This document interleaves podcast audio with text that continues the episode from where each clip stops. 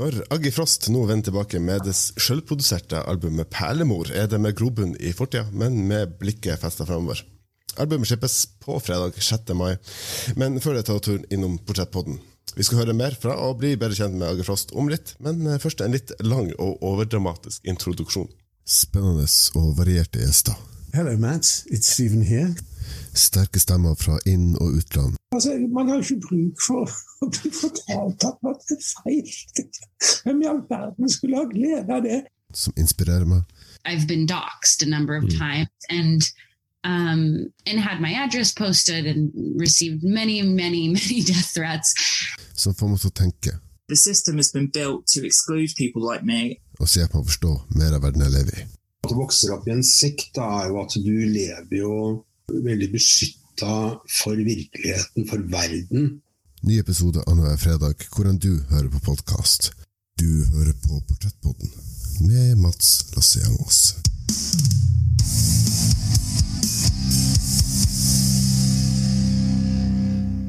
Min gjest i denne episoden er Agge Rost. Agge, hvordan har du det i dag? Hei. Jo, jeg har det bra. Jeg drev jo og eh, hadde et sånn uh, fin start på dagen med å måkes ned i 20 minutter, og da får man både trent og tenkt over uh, ting man trenger å tenke på. Så da tenkte jeg at det jeg trenger å gjøre, det er å rydde i studio. Så det er egentlig det jeg har gjort, og mista helt uh, tid og sted, for at jeg finner jo så mye rart når jeg rydder. det er jo, Man graver sin egen historie, i hvert fall her i studio, for jeg tar vare på ting fra egentlig hele karrieren og ting jeg har holdt på med. Så her står det alt fra to kjempestore sopper som jeg brukte i et sånn babykunstprosjekt som jeg ikke helt vet hvor jeg skal gjøre, Okay. til en stor lysdiode, tentakelaktig sak, til masse gamle utgivelser og T-skjorter og buttons og ja, litt av hvert. Ja, ja. Med elektronikaduoen Frost slo Aggie Peterson og Per Martensen gjennom på slutten av 90-tallet og tidlig 2000-tall med sin mørke og særegne pop. Musikken skilte seg ut med sine suggererende trommepartier, utprega kalde synter og Aggies klangfulle vokal. Ja, det hører med i, eh, i historien, eh, for å danne litt bakgrunn her, så at du um, skipper deg ut nytt album nå på, på fredag 6. mai, og med, med påfølgende, eh, påfølgende konsert. og det, det hører deg til å, å rydde litt studio og ju- finpusse på, på liveopptreden og, og den slags. Hvordan er, hvordan er nervene en drøy uke før eh, nytt album kommer? Ja, det var det. Altså, eh, det slo meg at jeg måtte øve litt igjen på livesettet og oppjustere og fikse ordentlig. For at nå spiller jeg live, eller gjør nesten alt sånn, litt sånn solo på det her prosjektet. Så liksom kasta meg litt ut i det å stå alene på scenen. Før hadde jeg liksom band, og så krympa bandet mer og mer inn ettersom eh, Ja, i forhold til økonomi og budsjettet. Og så spilte til slutt jeg og Per duo i mange år, og så nå har vi fått barn, så vi må ta ungene hver sin gang, så nå er det liksom bare solo. så det blir mindre og mindre folk på scenen. Um, så litt nerver på å ha det på stell, alle disse live-tingene. Men, eh, men også god følelse og fornøyd med at jeg endelig har klart å få ferdig albumet som jeg har holdt på med ganske lenge. Sånn, vært litt sånn deltidsprosjekt, for jeg har jo jobba og vært mamma og gjort andre ting ved siden av. Så jeg har liksom kosa meg med det her over lang tid, men så til slutt må man liksom bare sånn nå, nå må det nesten komme ut. Ja. Nå ligger det klart eh, der på distribusjons, eh, digitaldistribusjonen, og ting er sendt ut. og ja, det blir eh, fint å komme tilbake igjen. Og for en måte å komme tilbake på. Perlemor skal realiseres i et større prosjekt, hvor tekster, filmer og låter veves sammen. Albumet presenteres i en hybrid konsertforestilling som har premiere under Festspillene i Nord-Norge 27.6. En forestilling med undertittelen 'Hvorfor kan ikke alt være som på film?' Og her forsker Agge i hvordan det egentlig står til blant moderne damer som skal fikse alt, være lykkelig og ha en proppfull kalender med gjøremål, samtidig som arrangerer selskaper og deler sine beste bilder fra livet. I tillegg hvordan flukten inn i film og populærkultur faktisk kan være en viktig livbøye. Så er det også eh, kanskje litt sånn innfløkta, men så, var hovedideen bak å lage solo- soloalbum at du skulle få litt barnefri? Om hovedideen var det? Nei, det føler jeg ikke at det er, er. Fordi det er litt komplisert å drive og reise for mye vekk fra barna. Mm. Så det vil jeg egentlig ikke. Men jeg kan nok si at det er et frirom for meg. Ja. Så det at jeg ikke klarer å slutte med musikk, det handler nok om det at der sitter jeg og, og både skriver tekster og reflekterer over ting og, og får utløp for, for tanker og mine opplevelser i livet. Og når det gjelder Denne gangen har jeg valgt å programmere og produsere alt sjøl, så den der å føle at mm, jeg gjør det når jeg har tid innesmetta mellom andre ting, at jeg har følt meg selvstendig, men også at jeg kan utfordre meg sjøl på å bli bedre å produsere. Mm. For før så var jeg litt sånn ja, jeg lager demoen, og så sitter jeg i studio og jobber sammen med andre. Men nå med tilmålt tid så er det liksom vanskelig gjennomførbart. Ja. Og så ble jeg litt sånn, hvorfor har jeg ikke bare gjort alt ferdig for en gangs skyld sjøl? Jeg kan jo det. Så jeg har liksom utfordret, og Per har også utfordra meg på det. Ta nå og gjør det sjøl, liksom.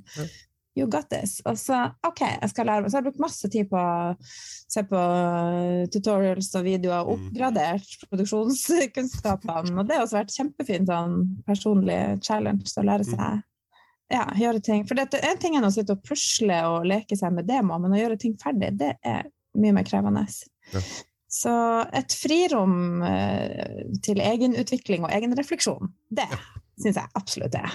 Mm. For Det har jo vært, eh, eh, uten å gjøre det mer dramatisk enn det trenger å være, selvfølgelig, men det har, har vært eh, stille fra deg ei, ei, ei stund sånn rent musikalsk. Da. Så, eh, Mm. hvorfor, hvorfor kommer albumet nå? Altså, ikke nødvendigvis hvorfor det har tatt så lang tid, men, men Ja, hvorfor var nå det viktige, rette tidspunktet? nei, egentlig hadde jeg ønska at jeg skulle være ferdig for egentlig to år siden. Mm. Eh, men eh, livet har vært litt for travelt på andre fronter til at jeg helt har klart det. Men en annen ting var at um, i fjor så fikk jeg vite at Festspillene ville booke meg for å lage en forestilling basert på det her albumet. Mm. Og da bestemte jeg meg for å utsette albumet til å komme rett før Festspillene. Så ikke albumet kom i fjor, og så kom forestillinga ett år etterpå. Så jeg på en måte utsatte det litt av det også. Og som egentlig var veldig fint, for at eh, bedre å ta seg litt god tid. Og så har jeg sluppet noen låter i mellomtida og liksom tatt det litt sånn stille og rolig. Så det er litt sånn praktiske årsaker og ja, livet. Før så stresser jeg mye mer med at å herregud, alt må liksom ut, ut, ut, ferdig, ferdig. Men nå prøver jeg egentlig bare å, å se på det som en sånn lang prosess. Og at det her Perlemor-prosjektet er et prosjekt som går over noen år, med Mm. Kanaler ut. Altså det er både tekster, og i forestillinga vil det være monologer, og det er videoer og visuelle ting, og det er scenografi og kostyme, Mm. og det er musikken. Så det er liksom Jeg er veldig sånn eh, fragmentert og veldig at jeg liker å gjøre mange ting. Så det er liksom at jeg vil Å, jeg har masse ideer på video, å, jeg har masse ideer på ditt og datt. Og nå kan jeg på en måte jobbe litt i alle de retningene som jeg liker, og så prøve å samle alt sammen da, nå. Alle de trådene. Ja. Du hører på Portrettpodden med Mats Lasse-Jangås.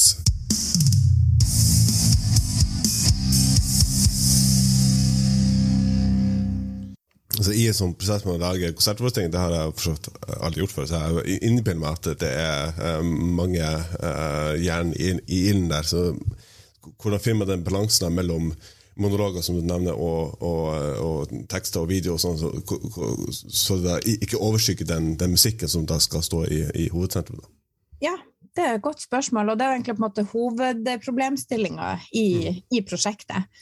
Um, og jeg jobber med det som et sånn tverrkunstnerisk prosjekt. sånn at Jeg har inn eh, dramaturg, som er Tale Næss, og så er det med scenograf og videodesigner. Eh, scenograf. De jobber veldig tett sammen, men det er Lea Barsch og Kyrre Heldal Karlsen. Og så har jeg inn filmskapere, og det er jo et helt team når man lager film, er det jo mange Ja. flere involvert også. Så flere forskjellige filmskapere som er med å lage det visuelle. Og har også blanda meg litt inn i det sjøl. Litt pga. at jeg er så ivrig, og litt pga. tidsnød, fordi folk er opptatt av hvordan man skal løpe løse det. Og så den ene videoen hadde jeg så veldig klar idé på hvordan det skulle være, at jeg tenkte den kan jeg regissere sjøl. Så da gjorde jeg det. Så tok jeg litt mentortimer hos sånn Eilif Bremer Lansen, og det var veldig fint. Og så tenkte jeg let's do this. Men jeg med en um, Carl Christian Lein Størmer og um, og um, også han Rune Stokmo, som egentlig er fotogra stillfotograf. Han har også gjort litt filmting. Så det er liksom flere um, Og Elisabeth Rasmussen er med, som er dokumentarfilmskaper her fra Tromsø. Så det er flere involvert. Og uh, hva er spørsmålet? Jo, hvordan jobber man for å få det her balansert? Mm. Jeg føler at når det kommer til scenedelen, da drar vi ut noen elementer fra filmene. Da blir det på en måte Kyrre som jobber med video på scenen, han får lov å plukke fra alt videomaterialet eh, og velge ut til de forskjellige låtene sammen med scenografien og kostymene. Og så har jeg skrevet et manus som binder sammen låten og mellomstikk måte, og tekster imellom. Eh, og så har jeg en mentor på Island. Hun hjelper meg også med å se på liksom, det store blikket, hvordan, hvordan det her blir balansert. Det er altså Kristin Eisteinsdottir som Agi refererer til her. Og så når vi jobber med det på scenen, så passer særlig hun Tale Mm. på at det blir en bra balanse mellom historiefortelling og um, at vi f.eks. ikke både forteller med video og tekst og sang det samme. Mm. At liksom no- balansere ut hva som forteller hva. Yep. Så det er veldig spennende. Og ja, mange involvert. Men jeg føler sånn som jeg hadde håpa, faktisk, at det er veldig sånn at alle får komme med innspill. Så alle sitter liksom på sin kompetanse, og så jobber vi i lag hva som blir balansen. Så det er ikke sånn en diktator. Så vi har f.eks. ikke en regissør. Vi har ikke en diktator. Okay. vi får liksom lov å Vi diskuterer det gjennom, og det har gått kjempe, kjempefint. Mm.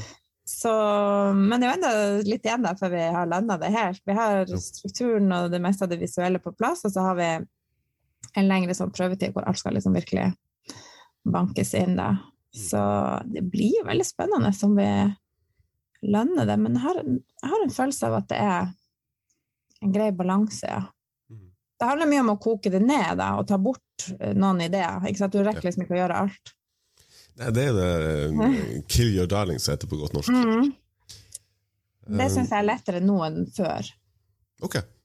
Altså, jo yngre jeg var, da ville jeg ha med alt. Og så Mm. nå er jeg litt mer sånn Jeg tror det bare har med sånn at man har sett mye og hørt mye, at man vet at man trenger ikke å ha med alt. Man trenger ikke å overforklare alt. Man trenger ikke å Man kan la også folk bare få liksom dvele litt sjøl ved ting. Og, Mm. ja. Men eh, det er veldig godt å ha med sånn som tale som er erfaren forfatter og dramaturg, og jobber veldig mye med sånn crossover-sjangre. Hun jobber Mm. med mye forskjellig, så liksom, når hun er der, så føler jeg at hun hun kan jeg stole på. Så hvis hun sier at det er i rute og i balanse, så Mm. tør jeg stole på det. At ikke det, at ikke det siste står hos meg. Ja. Man kan bli usikker, for det er ikke mitt sånn hovedfelt. ikke sant? Så jeg syns det er veldig gøy å jobbe sammen med flere. Det er en drøm jeg har hatt. Jeg jobber altfor mye alene på kunstprosjekter noen ganger. Når man gjør musikk, så sitter man veldig mye alene i studio og knør. Ja. Så det er veldig fint å møte litt andre flinke folk. ja. Ja, alle som, eh, som driver med altså i, i, det, I det kunstneriske feltet vet jo at uh, fra slutten av april til slutten av juni er hav av tid til å gjøre masse arbeid før da konsertforestillingen skal vises for publikum. ja, uken, de flyr nå fort. de, de, de gjør jo det, men um... Ja, og så har vi jo jobba egentlig gjennom hele året mm, med dette her, så vi um, Nei, det har jeg tenkt på mange ganger, at herregud, folk skal visst hvor mye arbeid det er bak. Når man ser noe ferdig, så ser det så greit ut. Det er så utrolig mye arbeid bak. Så mye som har vært forkasta og prøvd og ikke funka og gjort på nytt igjen. Nei, det er helt vanvittig. Det er ingen som aner. Plukk opp noe som, som, som, som du eh, nevnte. Altså det, det at du, du eh, altså I den prosessen må, må eh, plukke vekk en, en par elementer, og du kan ikke ta med alt som du vil ha med. Um, mm. ligger det da i altså, eh, Bunner det i, i en, at du har, du har større ro, med trygghet som, som kunstner nå enn du hadde før? At du, du, du vet at om det her er bra nok, du, trenger ikke å legge på ti lag til? Liksom. Jeg, jeg tror faktisk det har med det å gjøre. At det har med erfaring og alder å gjøre. Og jeg, jeg har tenkt mange ganger at det er helt idiotisk at folk skal bli popstjerner når de er 20. For at da har du så liten livserfaring, og da skal du liksom gi maks og skjønne alt. Og så bare blir folk helt spist opp og utslitt og det går dårlig. Nei, man burde vente i hvert fall til man er 30. så um, ja, jeg tenker at det har en del med det å gjøre. Um, at man må bare liksom lære seg å stole på, på ting. Man er mer Altså, alle er jo forskjellige. Nei, det er bra med den ungdommelige girahet og entusiasme òg, altså. Ofte syns jeg det er fint med ensembler hvis man kan blande forskjellige energier. Ja. Er veldig bra. Men for min del så tror jeg i hvert fall det er det at jeg er litt mer avslappa på ting. Og så tror jeg for jeg litt på det, hvorfor jeg, jeg syns jo ting er nøye, men altså at jeg ikke er like bekymra Jeg tror det også litt at jeg ikke står og faller på at jeg, at jeg må overleve på hver gig. Altså, før så gjorde jeg bare musikken, og da måtte jeg også overleve hele tida på det. Ja. Men de siste årene så nå har jeg jo familie og litt mer sånn etablert meg med et sånn vanlig liv og har uh, hatt jobb ved siden av i mange år. Og det har gitt meg en helt annen ro på at det ikke er helt sånn liksom, At det går konkurs, liksom, hver gang. Uh, og det er litt stress, egentlig, Ja, det å ha det sånn. Så, så derfor føler jeg også at jeg ikke liker panikk. For da begynner man å bekymre seg, så vet man ikke til slutt om man bekymrer seg for det ene eller det andre. Det blir bare Mm. Så det skiller det litt av. Det, den derre ja, ja, fattig kunstner, at det skal være en sånn bra ting, det, det kan kanskje skape en nerve, men det skaper også mye unødvendig angst hos folk. Det er ikke bare bra å være på randen. Altså, man, man trenger ikke å leve opp til alle stereotyper, tenker jeg. Så ja. Og så, Eh, det kan jeg også si at jeg vil jo si at når man har fått barn, så får man også et litt annet perspektiv på som, hvor nøye ting er. Eller sånn, man får et perspektiv på om det er så krise. Det her er jo sånn man av og til kan si ja, ja, ok, men er det noen som dør eller blir syk? Mm. Eller, hvor farlig er det om den der liksom plysjdetaljen på kostymet kollapser? Altså, skjønner det blir jo litt sånn perspektiv etter hvert. At liksom, ja, ja. Mm. Ja. Eh, så man kan få litt mer ro på hva som syns og ikke syns. Mm. Men man har jo sett og hørt veldig mye kunst og kultur da, når, jo lenger man har levd, så man får jo mye mer referanser. Ja. Mm. For det er vel også, også noe som uh, du, du har uh, nevnt tidligere i, i, når du har uh, promotert denne plata, at det er et, et, eh, sånn taktskifte, kan man kan man kalle det. At, at mange nok blir, blir overraska over den nye retninga på plata. Så er det da eh, igjen tilbake til, til en trygghet. Altså, man, man hører at det er Ager Foss-plate, men, men det er et helt annet eh, tekst- og, og, og, og lydunivers som presenteres. Så, så er det da en, en større eh, ro. Altså, er det altså, eh, For å eh, omsider komme til, komme til et spørsmål her. Er, er det en, en, eh, en viser Agge Frost som, som står bak denne plata, enn en tidligere? Jeg tror i alle fall at jeg følger mitt eget sånn livsløp. Fordi når jeg sang eh, og jobba med musikken før, så var vi jo mer altså, jeg var yngre, vi var mer i klubbverden og følte den estetikken og den livsstilen. Så da var det jo liksom å reise rundt i verden og synge om uh, liv og kjærlighet og, og reiser og drømmer og ikke sant, andre ting. Og da var jo også typisk vokalen mer sånn miksa inn i lydbildet. Det var mer eh, kanskje abstrakte tekster eller hooks. Det er en litt annen greie. Og så det som jeg gjør nå, er jo nesten litt mer sånn singer-songwriter-tradisjon. At det er låter med historiefortellinger, og det er plutselig på norsk. Sånn at alt blir mye mer sånn eh, nært eller ærligere. Det var liksom terskel å bare gå over dit. Men så har jeg det elektroniske lydbildet, kanskje litt varmere, men mye Mm. mer fremtredende vokal og, og tettere på. Så, så det er jo litt annen retning. Men jeg har vært veldig opptatt av låtskriving i mange år, og drevet med låtskrivesamling og skrevet låter for andre, eller lekt meg med å skrive låter i americana, countrysjanger, alt mulig rart. liksom Utfordra meg sjøl på å skrive helt andre typer barnesanger. Jeg skrev, og, liksom, og da bare kjenner jeg den der Kanskje jeg har litt mer formidlingsbehov på det der tekst og eh, historie gjennom låta enn det var i den klubbformatet. Eh, Mm. så det er nok ganske annerledes. Og så føler jeg at nå som jeg er liksom voksen og har barn, så føles det litt sånn rart å synge om å kjøre bil i Los Angeles og stoppe en klubb i London. Eller, altså, det, bare, det er jo ikke det det handler om så mye lenger. Ja, så egentlig er det bare et naturlig skifte, fordi livet forandrer seg. Mm.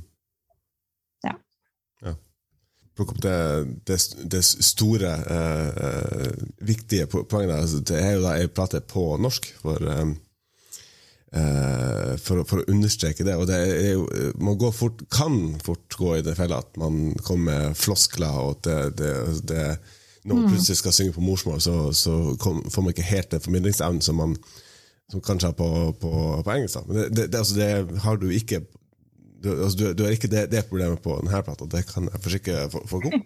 Um, Men det som er rart, er at hvis det er på engelsk, da kan du på en måte komme med floskler i større grad. Da. Ja. Liksom, ja, liksom, det er veldig mye av det samme teksten som repeteres i, Ja. i musikk. Da. Det er liksom litt sånn innafor. Ja. Men stakkars, det er litt strengere på norsk, i hvert fall. Kjenner jeg på det, at jeg får fortere alarmklokke mm, på norsk tekst. Altså, det er liksom det er for at det er jo nærmere, på en måte. Eller, ja, men det blir liksom Så det gjør jo litt ekstra skummelt. altså, er det um, en angst eller usikkerhet, en nervøsitet, uh, tilknyttet til uh, hvordan uh, publikum da vil, vil, vil møte den nye plata på, på norsk, da, fram, framfor tidlige utgivelser? Som, mm, Nå har jeg jo drevet og spilt uh, utdrag av de her låtene. Jeg har holdt en del sånn minikonserter, eller mikrokonserter. Ja. For to somre siden så hadde jeg en sånn mikrokonsertturné, så da fikk jeg på en måte testa materialet litt ut. Og, og egentlig så var det veldig gode tilbakemeldinger på at folk liksom endelig skjønte at Eller fikk, kom litt nærmere, på en måte. Så egentlig syns jeg det var veldig positivt. Så det, det har gjort at jeg ikke er så redd for det nå, men i begynnelsen syns jeg det var litt skummelt.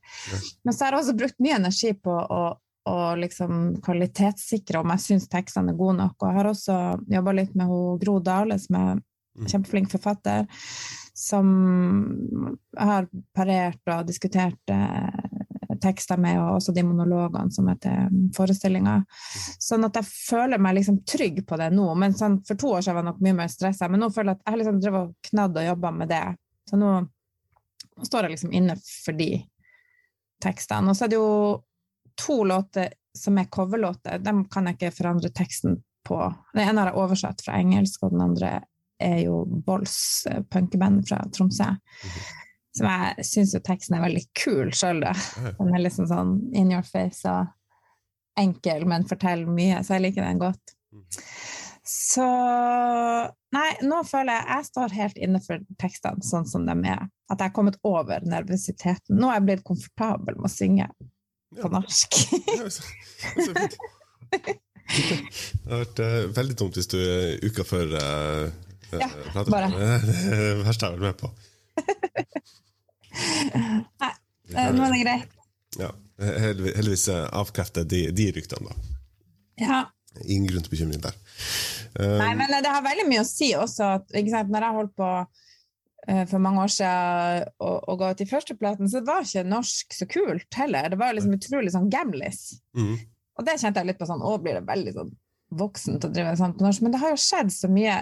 Altså, jeg har vært veldig inspirert av svenskene, for de er jo bare helt sånn elsker å synge på svensk og kjøre på med drøye fraser og, og mye kjærlighet og emotions, liksom. Så det er så kult.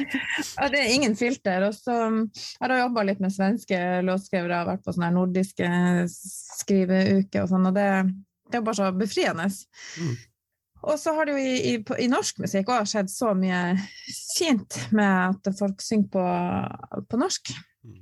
Så jeg føler at det har virkelig endra seg, og det er mye mer åpent nå. Så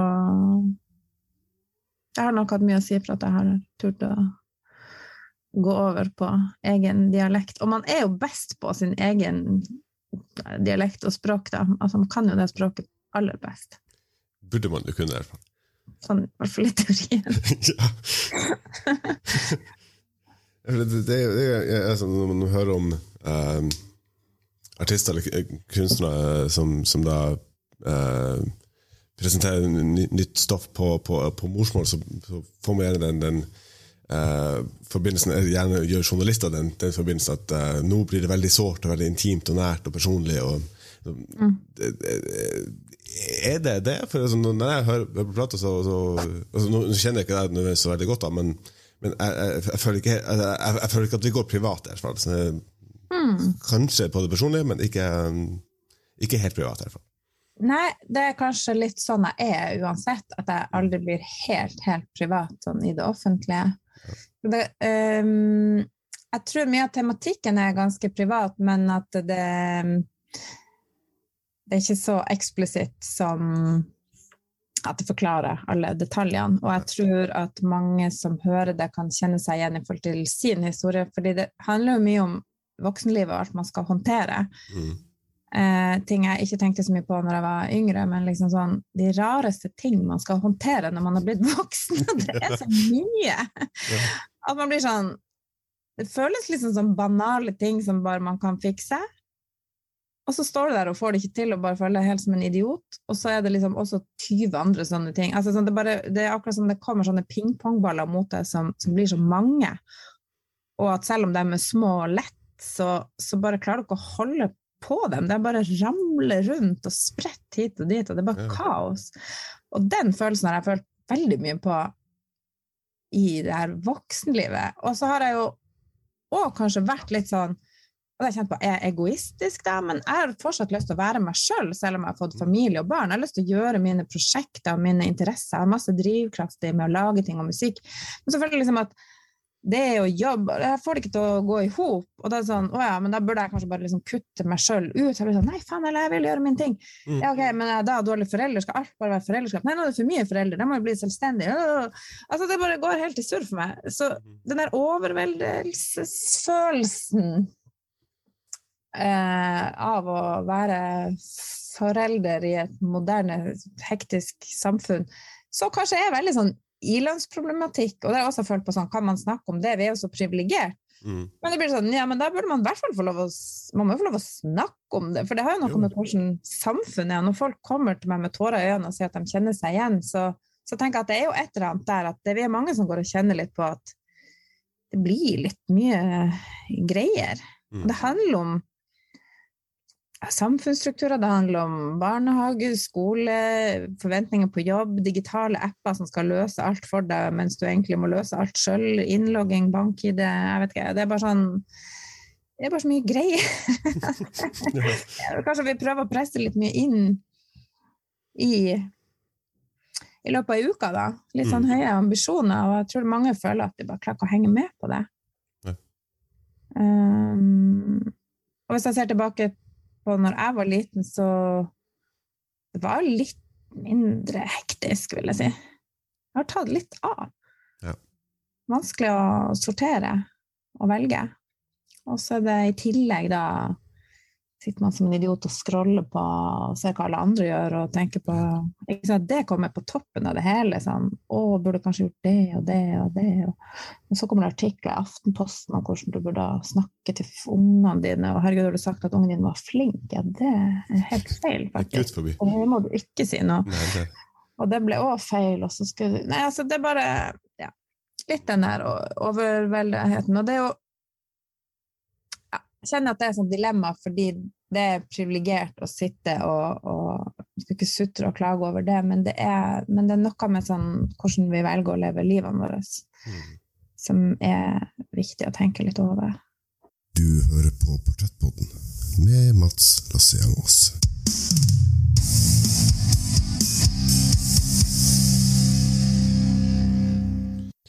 Det, det også syns jeg var veldig fint i det. Altså, apropos privilegium, man var også privilegert nok til å kunne høre gjennom hele plata før, før den shippes. Um, og det å kunne uh, høre gjennom låter som, som, selvfølgelig da også er selvfølgelig om altså Basert på din, ditt liv, dine erfaringer, det er jo uh, gjerne det man begynte seg av når man, man uh, skriver historie. Uh, men det blir også på, på, det nivået at det er såpass universelt at alle kan kjenne seg igjen det. Så, sånn som jeg hører tentakler, eksempel, er sikkert helt annet enn det du egentlig har tenkt når du skrev den låta. Som små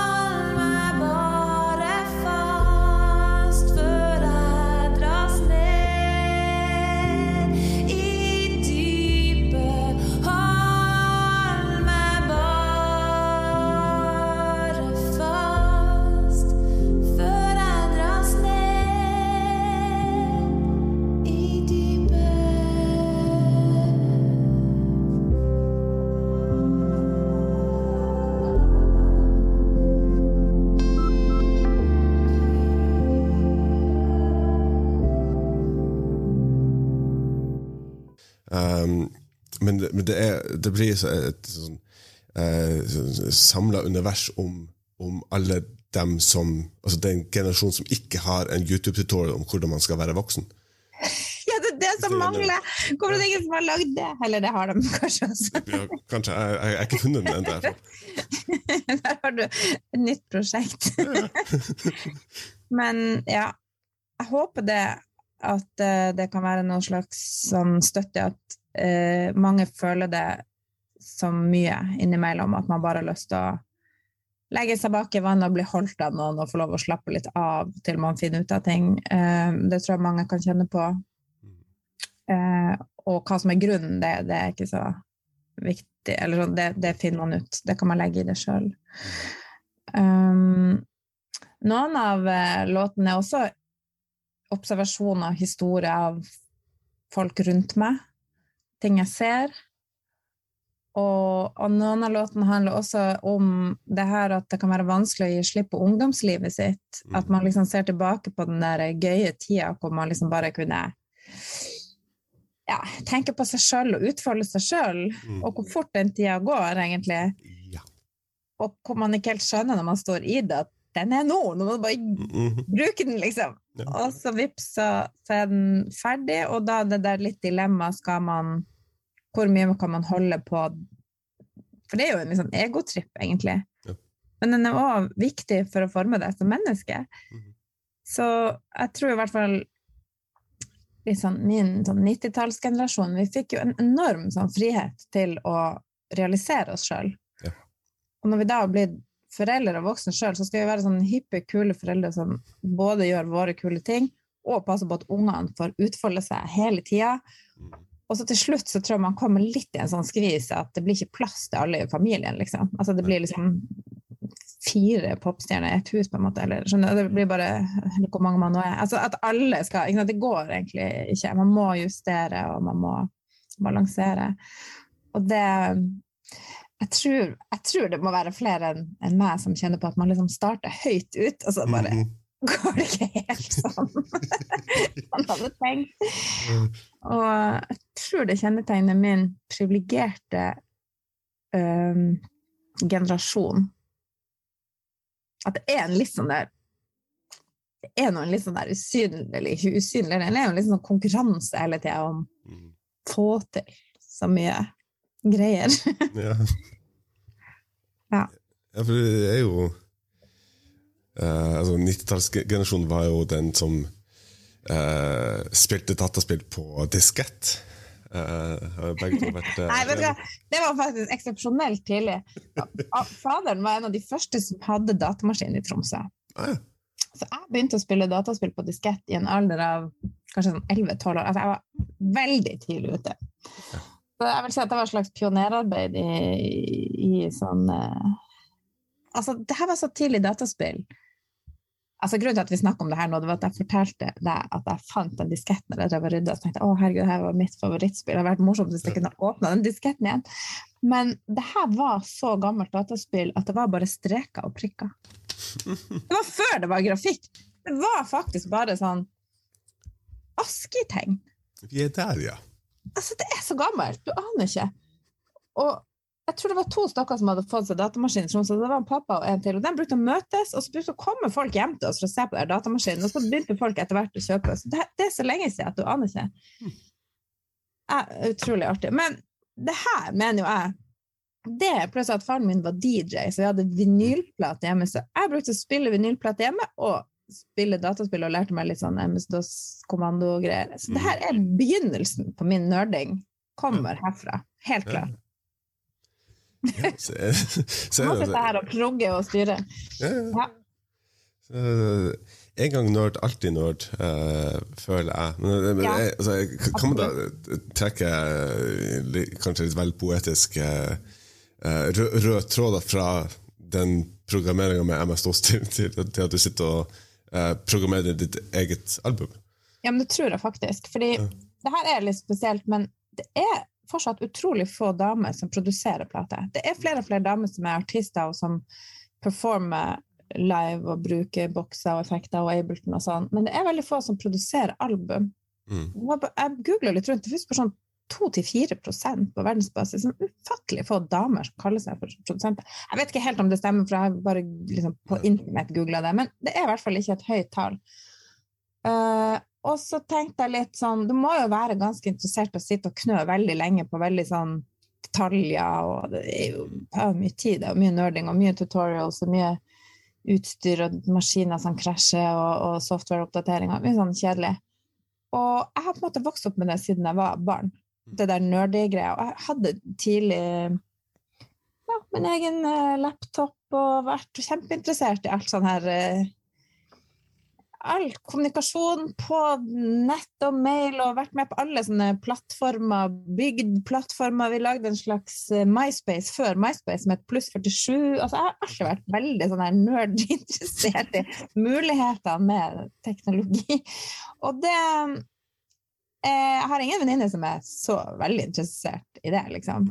Sånn at jeg føler at det må nok ha kommet litt fra det der at vi drev med det hjemme. For jeg bodde hos pappaen min, og han var kjempeinteressert i det, og lærte meg det og, og, gjennom spill. det. Og denne noe nerdete interessen i programmering fra tidlig alder av merker man tydelige tegn til i arbeidet bak albumet Perlemor. Vi som lyttere presenterer et helt nytt tekstperspektiv i en tidløs elektronisk musikksjanger gjennom et mer melodiøst og tilgjengelig lydbilde. Hun beholder mye av estetikken fra klubbkulturen og det uttrykket hun slo gjennom med, samtidig som det er et tydelig skifte i det tematiske. I Pernemor adopterer AG formidlingskulturen til en singer-songwriter med foten i den kjølige norske elektronikaen, og sonisk går assosiasjonene til Chromatics, Sonic Youth og synt-estetikken til 80-tallshelter som Depeche Mode og Pet Shop Boys. Ikke at vi skal nødvendigvis eh, grave oss ned i et eh, kaninhull uh, og gjøre ting uh, ve veldig dunkelt, mørkt og, og deprimerende, men hva, hva tror du da er faktorene som gjør at det ikke er så veldig mange kvinnelige produsenter i, i musikkverdenen? Det syns jeg er vanskelig å svare på, og har grubla litt på det. For jeg ble så overraska når jeg sjekka, når jeg googla litt om det. Men som regel har det noe å si med forbilder. Hvis det er få forbilder, så kommer man ikke på at man kan gjøre det. Så jeg tenker at det har noe med synlighet av andre som gjør det samme å gjøre. For det har det også vært i forhold til um, uh, artister innen elektronisk musikk. Det var jo veldig få jenter som holdt på for 20 år siden. Det er jo betydelig flere nå.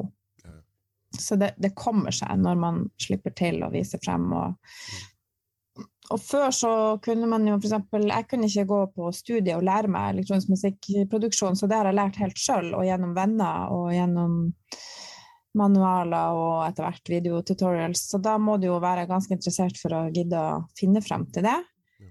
Um, og jeg syns det er veldig skummelt å sånn generalisere at kanskje det kan være det. Man kan si sånne hypoteser, da. Kan det være at kan det være at jenter er litt sånn Ja, men jeg må ta et studie for at jeg skal bli det, ellers så blir det ikke noe av. At de ikke tør å bare sånn finne ut av DIY og lære seg sjøl. Må liksom gjøre det ordentlig og få et diplom. Kan det ha noe med det å gjøre?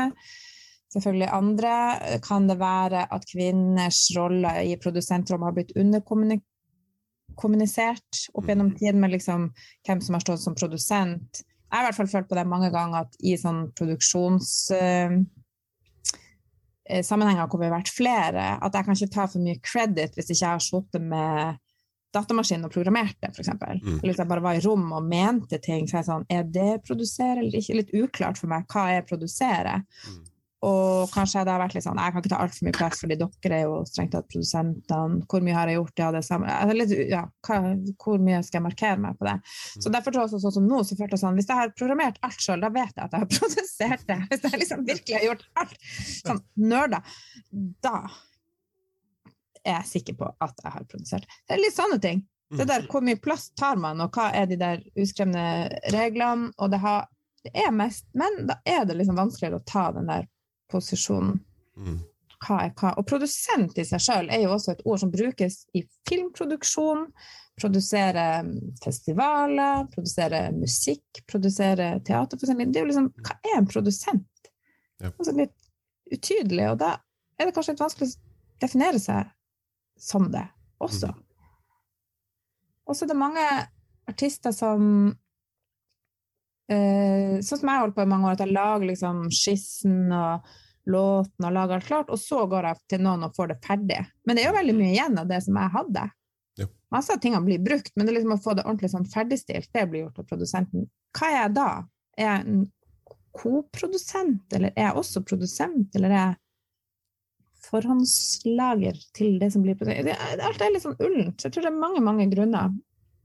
Og jeg tror bare det viktigste er at det blir synliggjort, og jeg ser jo at det er flere og flere damer på banen, så jeg tror det kommer. Men det er en veldig interessant dokumentar som heter Sisters with Transistors, okay. som handler om kvinnelige elektronika, eh, artister, produsenter, gründere. I just wanted to be introduced as a composer and to start to point out how hard it was for women to be taken seriously as creators of music. This is the story of women who hear music in their heads, of radical sounds. This is the story of dreams enabled by technology. Der er jo for eksempel en grunn fra back in the days var jo at utstyret var så komplisert at det fantes for eksempel bare på BBC eller sånn forskerinstitusjoner, Mm. ikke sant? Og der var det jo gjerne menn som var professorer, og så var det noen damer som var assistenter og klippa bånd, og, Mm. Og de kanskje, de kanskje fikk tilgang på å lære seg noe så de kunne lage noe sjøl. Men det er veldig vanskelig å få innpass. Og det er noe med teknologiens utvikling også. Hvor lett er det å få tak i ting? Og hvor, hvor, hvor store ting må du investere i? Og sånn som teknologien er nå, hvor hvis du har en Mac, så har du faktisk et innebygga eh, musikkprogram Ja. inkludert. Og så kan du eventuelt oppgradere. Du kan til og med nå, hvis du ikke har råd å kjøpe programmet, så kan du leie det hver måned Mm. lisensiere både software og programmer, så nå er det mye lavere terskel for å komme i gang. Og det ligger jo da YouTube-stories på det meste, eller du kan ta online-kurs, sånn at nå er det tilgjengelig. Så jeg tror det vil være en mye mer sånn balansering av det i de neste årene. Det er på gang. Men det er interessant, fordi når det gjelder klipping av film, som er ikke så ulikt det å sitte og produsere musikk, altså du redigerer, arrangerer, legger på effekter, det er ganske likt egentlig det å liksom, lage en låt. Der er det ca. 50-50 menn og kvinner i klipperommet. For der var det tradisjonen med at kvinner eh, redigerte og rydda i opptakene som en sekretær. Her kan man uh, skrive doktorgrad om, kjenner jeg. Ja, altså, jeg kunne sikkert lage en hel episode bare om det, men Det eh, er et stort tema. Men Ja. eh, jeg anbefaler Sisters with Transistors både fordi det er inspirerende lyder, kule damer, og det sier noe om eh, det her mann og kvinne, hvorfor noen blir løfta fram. Og det er jo sånn som vi ser i kunsthistorie, hvis man ser den dokumentaren om Hilma af Klint, mm. hvor hun på en måte oppdages mye senere, og så ser man at hun faktisk har vært før andre mannlige kunstnere som ble satt som ikoner for sin tid, så kan man stille seg spørsmål å, hadde de sett hennes verk, hvem var først, bla, bla, bla. Mm. Det er en sånn historien har vært dominert av at menn har fått blitt løfta frem. Det. Mm. det er jo en slags sånn opprydding på, på, gang her, med at folk finner fram ting og viser. Og, ja, kanskje er det en omskriving av historie. Her finner vi også mange eksempler på i litteraturen. H.G. Wells blir f.eks. ofte hylla som mannen som skapte science fiction med sin klodenes kamp. Og den påvirkninga den hadde på sjangeren, burde man ikke underspille. Men Mary Shelley skrev sin Frankenstein rundt 70 år tidligere. Og for at boka i hele tatt skulle bli gitt ut, måtte den gis ut under ektemannens navn. Brontesøstrene utga seg for å være menn for helt tatt bli vurdert av forleggerne. Det var andre tider, og ting har heldigvis endra seg til det bedre, men, men det er tankekors likevel. Og historien om Frankenstein passer også usedvanlig godt til elektronika mulig bare meg, men ideen om å blande gotisk viktoriansk gru med dunkel synt og melodisk poprøst er unektelig fristende. Så AG, hvis du hører på, her har du idé til neste prosjekt. Trenger ikke å takke meg. Jeg tror også, som du sier, det, det hjelper på at man, man har forbilder å, å, å, se opp til. Altså, hvis, man, hvis, man, vet at uh, Agi, som jeg syns er helt rå, hun har produsert albumet sitt sjøl, da kan kan jeg også få, få, det til. Og da kanskje kan man bygge stein på stein, så det gjør at det blir litt, ja. uh, litt mer uh, Ikke så mannsdominert, da, for å si det på den måten. Ja, og så må man huske på én ting òg. Når jeg sier at jeg har programmert og styrt sjøl, det har jeg. Men jeg er også flink til å spørre andre om hjelp og råd. Og det må mm. man være flink til å huske at man kan gjøre. Mm. Hvis man liksom kommer seg på et nivå at man begynner å kunne litt, så kan man spørre om innspill, spørre om råd. Eh, jeg er jo så heldig at jeg er et sånt studiokollektiv her på Tvibit i Tromsø, som er et utrolig fint hus for ungdom, men også for profesjonelle aktører. Og så er det sånn festivaler og arrangører. Så det er en sånn blanding på det huset her, og film og veldig mye som skjer. Spillutvikling og ja. Og det som skjer når man er så heldig å være samla, er at man kan banke på døren til hverandre og spørre om råd og hjelp. Og det er liksom alt fra shortcuts på hvordan programmere, til utstyr, til tips på hvordan rendre ut bounce dit og da, sånne praktiske ting. Og at det er så mye å huske på at det er ikke sånn én person, kanskje med mindre hvis du er professor og skal lære det til andre, at du liksom husker absolutt alt hele tida. Så det der er jo også sånn flytende at man må hjelpe hverandre og koble ting eller gjøre ting på som låter interessant. Så man kan også oppdage ting ved å prøve og feile. Mm. Så det, det, er veldig viktig å være en del av et sånn dynamisk miljø, at man, man, eh, man, hjelper hverandre. Og og jeg har fått masse hjelp og innspill på veien. Det er ikke noe sånn mål å sitte isolert seg sjøl og sånn se, jeg klarte alt. Men, uh, men uh, ja, at man er i dialog med hverandre. Og det syns jeg er herlig med det deilige internettet òg, at folk deler. Ja. så mange som lager videoer, de deler også uten å ta betalt for det, men tar det i YouTube-visninger og viser og forteller ting. Det er jo fantastisk. Jeg hadde ikke fått til det i et trykket leksikon. det er veldig herlig med de videoene. um, ja, det er virkelig demokratisk uh, fin uh, Eller anarkistisk, kanskje. Det er bare åpent. Det er veldig fint. Ja. Så man kan lære det man trenger. Still spørsmål, og så dukker det opp. Som du sjøl sier, du, du, er ikke uh, såpass stor at du, at du ikke kan, kan, be om hjelp eller, eller uh, innspill fra, fra, andre stemmer i, i, en sånn kreativ prosess. Og det, selv om du har gjort det sjøl, så er det selvfølgelig altså, Du sitter ikke kun alene i et rom og uh, på din egen, din egen øye, for å si det på den måten. Mm. Mens Perlemor er så, er så noen av låtene føler jeg mye om det at man, man ikke helt strekker til. Man, man, man har de, de ambisjonene som ligger litt uh, høyere enn man kanskje skulle tro var realistisk. Man, man, man føler seg veldig tynnskitt, man vet ikke helt hvor man skal legge kreftene hen. Så, um, så uh, er, er, det da en, en uh, en, uh, en, sånn, sånn, eh, styrke i det, i det å, å, tørre å si 'hei, jeg, jeg, jeg trenger hjelp'. Ja, det tror jeg. Og så tror jeg at mange av de tingene som jeg snakker om i de låtene på Perlemor, handler også litt om den mismatchen som jeg tror man kan oppleve med at man f.eks. får til ting på jobb Mm. eller yrkesliv, og så tenker man det her eh, Ok, jeg begynner å få kontroll på ting når jeg har liksom lært meg ting, studert ting, liksom lært, lært, lært. Og så får man ikke til alt hjemme. Nei. Og det er mye mer eh, tabu å spørre om hjelp, og mye mer eh, maskering og prøve å fortvilt å få det til. Mm.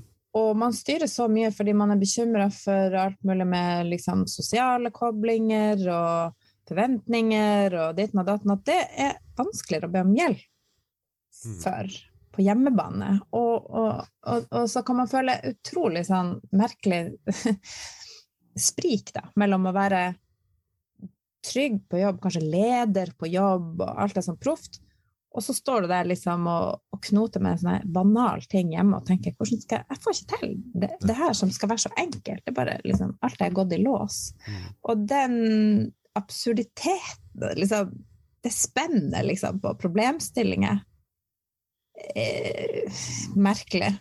Og da kan man få litt eh, litt knekk i selvtilliten. Og så tenke at det er det som er problemet. At vi da går alene rundt og skal prøve å fikse alt. Og at vi har på en måte skapt samfunnet veldig sånn i sånn kategorier og bokser, istedenfor å være sånn village. It takes a village. At man hjelper hverandre. Så før kanskje vi hadde en større familie og venner og levde tettere, og så var det sånn at når du sto og knota med det, så kom det kanskje en eldre og sa men vi gjør bare litt sånn her, eller bare snakk sånn, du, jeg har det sånn, får du litt innspill. Mens nå skal du liksom bare fikse alt, og så skal du levere barna på en institusjon, og så skal du levere dem på et sånn idrettsopplegg, og så alt er veldig sånn eh, kategorier. Mhm. Så funker ikke det så bra, fordi man er ikke god på absolutt alt i foreldrerollen. Og barn er ikke kjempegode på å forholde seg til sånn skjematisk eh, livsstil. Det er veldig lite flow i det. Mhm. Og man trenger innspill fra forskjellige generasjoner. Jeg syns at man ser altfor lite til spenn i generasjonene. Vi ser for lite til de eldre. De mellomstore barna ser ikke babyene. Altså, de her liksom, onkler, tanter, kusiner liksom, Mm. Det her på kryss og tvers. Jeg føler at det er noe vi driver og distanserer oss ifra da, ved å lage så travle hverdager. Så det handler mye om det Mm. Langt inni der ligger det en slags sånn samfunnskritikk, egentlig, på hva er det vi får til med all den her liksom, frigjøring og Og det er et sånn paradoks, ikke sant. Vi vil være fri. Da vil vi tjene penger. Vil vi tjene penger? Da har vi ikke tid. Er vi da fri? Altså, det er ikke enkelt, men uh, det er noen betraktninger der som jeg ikke tenkte på i det hele tatt før jeg fikk barn, og som jeg følte meg bare sugd inn i det øyeblikket. Jeg fikk barn. Og bare what?! og jeg følte sånn veldig lite handlingsrom når jeg fikk barn, for da er alt på en måte lina opp av samfunnet. Det er ikke så lett å leve litt annerledes. Nei. Du må liksom følge en sånn mal. Mm. Og det følte jeg meg utrolig sånn kvalt av. Ja. Fra å leve litt sånn turnerte og reiste hit og dit, og noen travle dager, noen rolige dager. Liksom, levde i en sånn fin flyt. Mm. Så det var veldig vanskelig å, å, å liksom eh, ja, matche med det som det egentlig skulle leves, da, ifølge samfunnet. Ja. Ja. Det er ikke alle som passer inn i det. Eller jeg vil tro ganske mange passer egentlig ikke inn i det. Vi er bare veldig sånn Vi må ha det sånn, sånn at vi har orden. Men ja. Mm. Går tilbake til det- vi var uh, innom tidligere, at man vi har ikke den YouTube-tutoren som viser hvordan man skal være voksen, egentlig. Um, så det at man altså, Alle forventer at um, nå er du x antall år. Da, da, da, da har du lest gjennom regelboka, nå vet du hva du skal gjøre. Eh, Mm. det, det, den, den dørstokkmila for å hjelp er, er blitt veldig, veldig høy i, i, mange tilfeller. i hvert fall. Um, så tenk også, nå skal jeg jobbe litt hardere her for å få til en metafor, men eh, eh, eh, hvis hvis du husker i, i perlemor da, og, og, og perle, da, eh, så perle blir jo først til hvis et Nå ble jeg sikkert arrestert av noen som hører på, men eh, Per blir da til hvis et, først et sandkorn kommer inn, inn og bryter gjennom det trange skallet. Mm. Eh, og da blir noe ve veldig vakkert til. Så eh, kan man da eh, knote seg til den formuleringa at eh, man, altså man må bryte opp gjennom det, det eh, skalle da, for å komme inn til selve kjernen, og for å faktisk kunne være åpen og, og Mm. eh, mottagelig for, for den hjelpa, eventuelt. Mm. Ja, jeg vil si at det her um, perlemor For det første var det bare et ord som falt ned i hodet på meg for lenge siden, så jeg har bare liksom hatt det liksom sånn, et fint ord. Men så begynte jeg å lese litt om eh, perlemor liksom, liksom, Hva er det for noe? Det er jo et sånn skjell. Og så leste han det, så står det at det, det, skjell, det er veldig sånn vakkert. Det er sånn glansfullt. Det ser så fint ut. Det har sånn nydelig skinn, og det er veldig sånn wow, liksom. Det har alltid vært brukt til å smykke, smykke seg med eller dekorere ting. Det, er liksom, det er veldig fint. Eh, men det er ekstremt skjørt. Det er liksom bygd opp av veldig, veldig, veldig små biter, og det krakelerer ganske lett. Så det er bare så vidt det holder seg sammen. Og så følte jeg sånn, ja, sånn er det liksom å være mamma. Det er sånn, du prøver liksom å komme i nystrøket uh, 17. mai-antrekk og ha pene barn og levere ting i tide og være sånn flink og ordentlig og raus og hyggelig og se så mye du vil, vil. Det skal være fint. Det er suksess, liksom.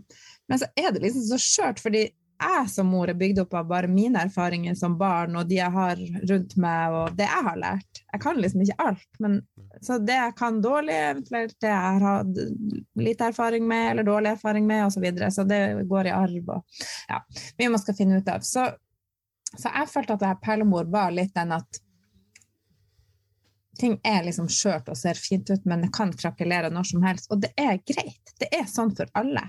Og alle prøver liksom å gjøre så godt de kan ut ifra de forutsetningene man har. Og mange ting vet man ikke, så hvis man får en utfordring, så må man lære om det, og det tar sin tid. Så det er litt sånn hyllest til alle som prøver å være en god Og trenger ikke å være forelder, det kan være forelder, en steforelder, en venn, en kjæreste. Det er liksom prøve å være noe for både seg sjøl og andre. Um, og, og, litt den her at vi hele tida prøver å fremstille vårt beste jeg. Mhm. ja. At egentlig går alle rundt og er ganske skjør. Alle går rundt og tenker hva andre syns om den, men det tenker egentlig alle andre òg, så det er egentlig bare Alle går rundt og koker. Ja. Ta det litt ned. ja. Egentlig uh, veldig fint uh, uh, svar å, å, runde av på. albumet 'Pellemor' slippes 6. mai, som vi sa. Uh, med påfølgende konsert og uh, konsertforestilling med premiere på Festspillene i Nord-Norge 27.6. Uh, Agge Frost, uh, tusen takk for at du tok deg tid til å være gjest i denne episoden av Portrettpodden. Selvfølgelig. Tusen takk for at jeg fikk være med. Ja, bare hyggelig. Du har hørt på en episode av Portrettpodden med meg, Mats Lasse-Jangås. Og min gjest i denne episoden var Aggi Frost. Har du gjort deg noen tanker mens du har hørt på? Har du ris eller ros eller tips du ønsker å komme, kan du rette til Portrettpodden sine Facebook-sider, eller på e-post til portrettpodden at gmail.com. I denne episoden har du hørt lydklipp fra låta 'Tentakler' av Aggie Frost fra den nye plata 'Perlemor', samt en smakebit fra traileren til 'Sisters with Transistors', dokumentarfilmen av Lisa Roner. Alle lydklipp i denne episoden er benytta i henhold til sitatrett. Portrettpodden arbeider i henhold til Vær varsom-plakatens regler for god presseskikk. Takk for at nettopp du hørte på. Og vi høres snart igjen. Du hører på Portrettpodden med Mats Lasse Jangås.